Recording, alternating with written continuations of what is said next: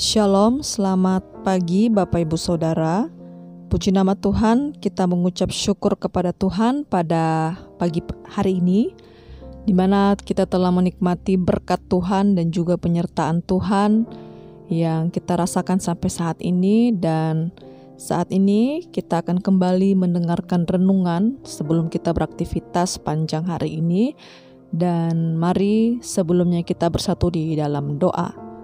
Tuhan kami mengucap syukur buat pagi hari ini, buat kasih setiamu yang tidak pernah berkesudahan di dalam kehidupan kami. Dan saat ini Tuhan kami rindu untuk mendengarkan sebagian dari firman-Mu. Kiranya Engkau Allah yang berbicara kepada kami, menolong kami, menuntun kami, sehingga firman-Mu ini kembali menguatkan dan kami menjadi pelaku akan kebenaran firman-Mu ya Tuhan. Berfirmanlah ya Tuhan, kami siap mendengarkan di dalam nama Tuhan Yesus. Kami berdoa dan mengucap syukur haleluya. Amin. Ya Bapak Ibu Saudara, kita tiba di kitab bilangan pasalnya yang ke-10 dari ayat pertama sampai ayatnya yang ke-36 dengan judul Semboyan Nafiri.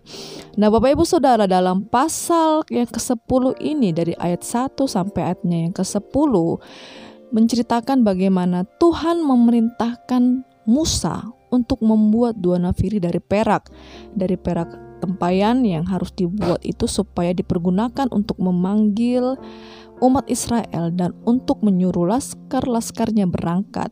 Ini merupakan perlengkapan tambahan bagi perjalanan mereka. Nah, Bapak Ibu Saudara, nafiri adalah merupakan alat tiup yang berbentuk seperti trompet dan memiliki fungsi untuk memberikan perintah kepada umat saat waktunya untuk berkumpul dan saat untuk berangkat dari tempat mereka berkemah pada saat itu. Selain itu, nafiri juga memiliki fungsi yakni meningkatkan uh, umat agar selalu siap saat terjadi perang dan meningkatkan umat Israel untuk memohon pertolongan dari kuasa Allah untuk menyelamatkan mereka dari serangan musuh-musuh.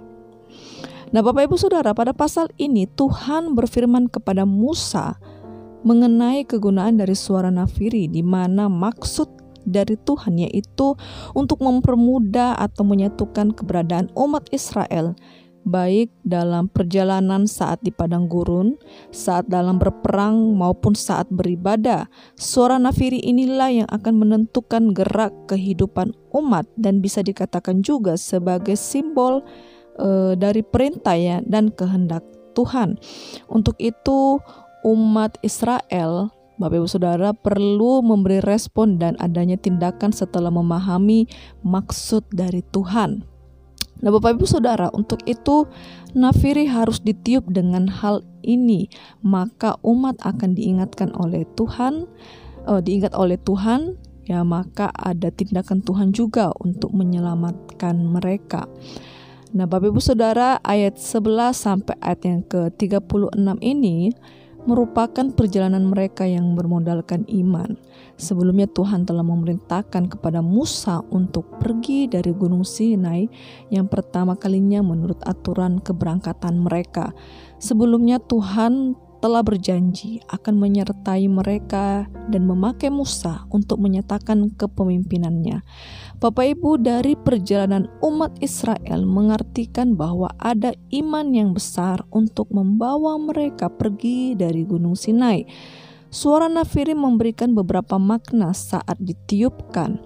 Tiupan nafiri juga memiliki arti bahwa mereka memanggil Tuhan saat sedang dalam perjalanan umat Israel kembali dikuatkan iman mereka dengan janji Tuhan ketika mereka berseru atau memanggil Tuhan, maka Tuhan akan menyertai mereka dalam perjalanan. Mengapa umat Israel percaya dengan janji Tuhan, Bapak Ibu Saudara?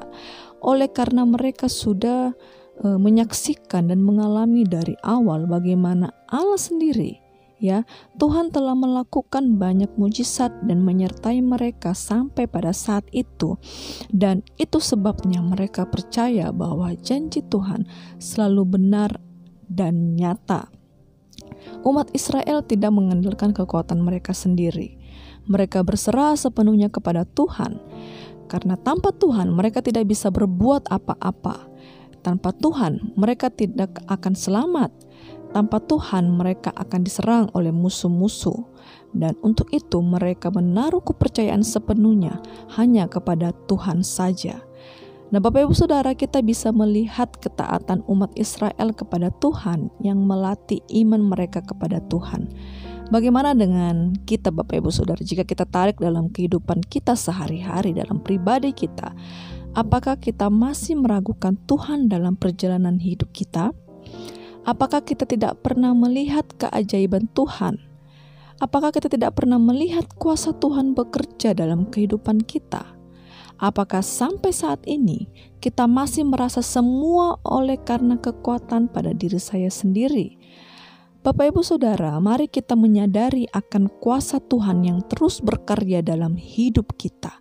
Tentunya, kita telah banyak melihat ya dan merasakan kuasa dan kebaikannya dalam hidup kita.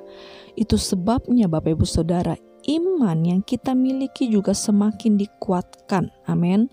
Ketika dalam bahaya, mari Bapak Ibu kita pakai iman kita untuk berserah kepada Tuhan dan percaya bahwa hanya Tuhan yang akan bertindak untuk kita. Hanya Tuhan yang sanggup menolong dan hanya Tuhan yang menjadi pembela atas kita. Jadi tidak ada alasan untuk meragukan Tuhan. Tidak ada alasan untuk tidak melupakan Tuhan. Dan oleh karena itu, mari kita menunjukkan sikap kita percaya kepada Tuhan bahwa keajaibannya sampai sekarang dan selama-lamanya Bapak Ibu Saudara. Mari dari pasalnya yang ke-10 ini kita belajar melihat bagaimana Musa dan juga umat Israel menaruh kepercayaan mereka dalam perjalanan hidup mereka hanya percaya kepada Tuhan bahwa Tuhan akan menyertai mereka sampai pada tempat tujuan mereka dan sama juga dengan kita dalam perjalanan hidup kita kita hanya menaruh kepercayaan kepada Tuhan mari dalam kehidupan kita kita berseru memanggil nama Tuhan untuk menolong kita karena kita tidak tahu apa yang akan terjadi dalam kehidupan kita ke depannya Bapak Ibu Saudara. Untuk itu kita masih terus memerlukan Tuhan.